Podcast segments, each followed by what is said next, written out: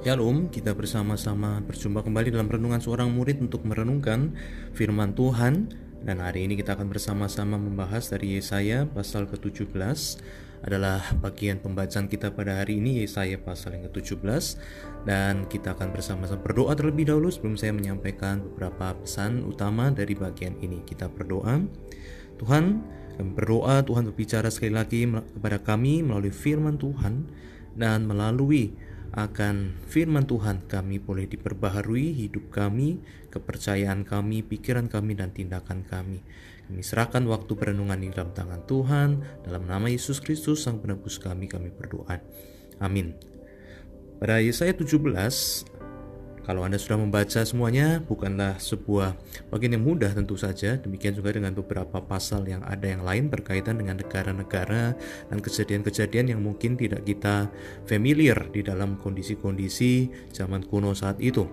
Tetapi secara ringkas dapat kita katakan bahwa kota dan negara yang ditulis kerajaan yang dituliskan di Yesaya pasal 17, kerajaan Aram yang berpusat di Damsyik bekerja sama dengan kerajaan Israel Utara dan mereka itu berkoalisi bersama-sama mencoba untuk melawan bangsa Asyur dari Mesopotamia.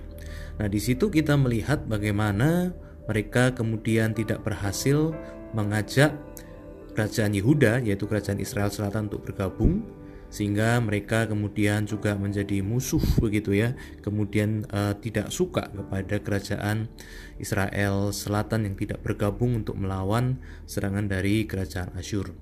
Nah, di sini kita melihat bahwa usaha-usaha daripada Damsyik, Aram dan juga daripada kerajaan Israel Utara nampaknya adalah usaha-usaha yang tidak mencari Tuhan. Oleh karena Tuhan tidak suka ya kalau mereka mencari Tuhan, eh, suaranya mungkin bukan kutukan-kutukan dan hukuman-hukuman. Tetapi kita melihat bagaimana di sini ada hukuman, ada Tuhan memberikan sebuah peringatan akan datangnya hukuman, berarti itu menunjukkan bahwa mereka itu tidak mencari Tuhan.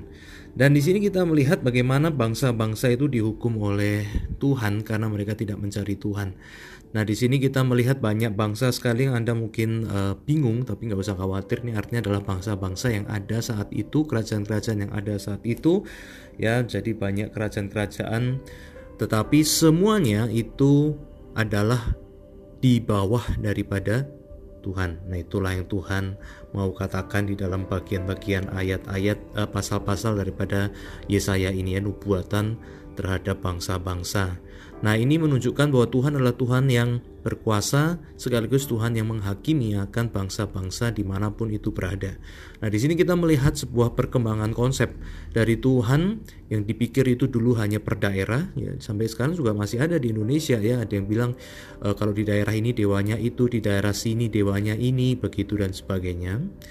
Nah, tetapi pada waktu itu Tuhan menunjukkan diri sebagai Tuhan yang global Tuhan yang tidak terikat pada satu daerah dan tidak ter uh, dan tidak terbatasi oleh daerah-daerah yang ada di masa-masa kerajaan itu. Tetapi Tuhan adalah Tuhan yang berkuasa secara global. Nah, ini adalah sebuah hal yang sangat luar biasa begitu karena artinya adalah Tuhan juga berkuasa atas daerah-daerah lain yang jauh lebih besar, lebih kuat dan lebih kaya daripada kerajaan Israel. Nah, jadi di sini kita melihat bagaimana bangsa-bangsa di bawah Tuhan dan Tuhan itu mengontrol dan Tuhan bahkan menghakimi mereka akan kesalahan-kesalahan mereka. Sebaliknya, Tuhan yang sama juga adalah Tuhan yang merencanakan dan menjalankan rencana karya keselamatan bagi bangsa-bangsa di seluruh dunia. Jadi di satu sisi penghukuman Tuhan yang bersifat global itu juga menunjukkan apa? Menunjukkan bahwa dia yang menghukum dan menghakimi seluruh dunia sekaligus dia adalah Tuhan juga yang mau untuk mengasihi dan menyelamatkan seluruh dunia. Itulah sebabnya kalau kita melihat nanti di dalam perkembangan Alkitab, bukankah Yesus sendiri menunjukkan hati daripada Tuhan ini? Oh Yesus Kristus mengatakan bahwa kalau kamu menerima kuasa Roh Kudus, kamu akan menjadi saksiku dari Yerusalem, Yudea, Samaria sampai ke ujung dunia. Nah, jadi di sini kita melihat bagaimana berita yang buruk tentang penghukuman ini nanti adalah sebuah benih tentang sebuah kabar yang baik, yaitu bahwa seluruh bangsa tidak hanya sekedar ditakdirkan untuk dihukum, tetapi juga ada di dalam rencana daripada keselamatan Allah di dalam Yesus Kristus Sang Juru Selamat. Nah, itu adalah satu hal yang bisa kita pelajari dari Yesaya pasal yang ke-17. Dan kalau kita melihat beberapa bagian lain di dalam Yesaya pasal 17 ini, ini juga bisa mengarahkan akan kehidupan daripada moralitas kita, yaitu apa? Kalau kita melihat di dalam ayat yang ke-10, Yesaya 17 ayat yang ke-10, ya di sana dituliskan kalau engkau engkau melupakan Allah yang menyelamatkan engkau, sehingga engkau itu mengalami hari-hari penderitaan yang sangat payah kayak kurang lebih ya ayat 10 dan 11 seperti itu. Jadi di bagian itu dituliskan bagaimana kalau mereka orang Aram dan orang Israel Utara sudah merasa nyaman, merasa kuat ya sehingga mereka mulai membangun kemegahan mereka sendiri dan mereka melupakan akan Tuhan. Nah, Bapak Ibu, saudara-saudari sekalian, ini juga kita perlu renungkan. Jangan kita terlalu kuat jangan kita terlalu kaya, jangan kita terlalu pandai, jangan kita merasa hidup kita terlalu stabil, sehingga kemudian kita mulai melupakan Tuhan di dalam kehidupan kita.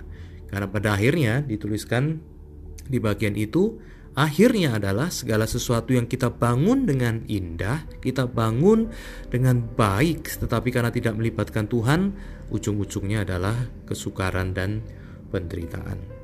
Kemudian Pesan yang hari ini saya juga mau sampaikan dari bagian ini adalah dari ayat yang terakhir, yaitu ayat yang ke-14. Yang dituliskan adalah itulah bagian orang-orang yang merampoki kita dan itulah yang ditentukan bagi orang-orang yang merampasi kita. Di sini sekali lagi kita melihat bagaimana Tuhan yang global, Tuhan yang berkuasa atas segala bangsa juga menuliskan bahwa Dia adalah Tuhan yang adil. Kita sering kali menghadapi ketidakadilan, kita sering kali menghadapi di dalam hidup ini mereka orang-orang yang jahat yang suka menindas kita, yang menipu kita, yang mendatangkan penderitaan buat kita, yang mengambil untung dari kita dengan cara-cara yang jahat, cara-cara yang salah.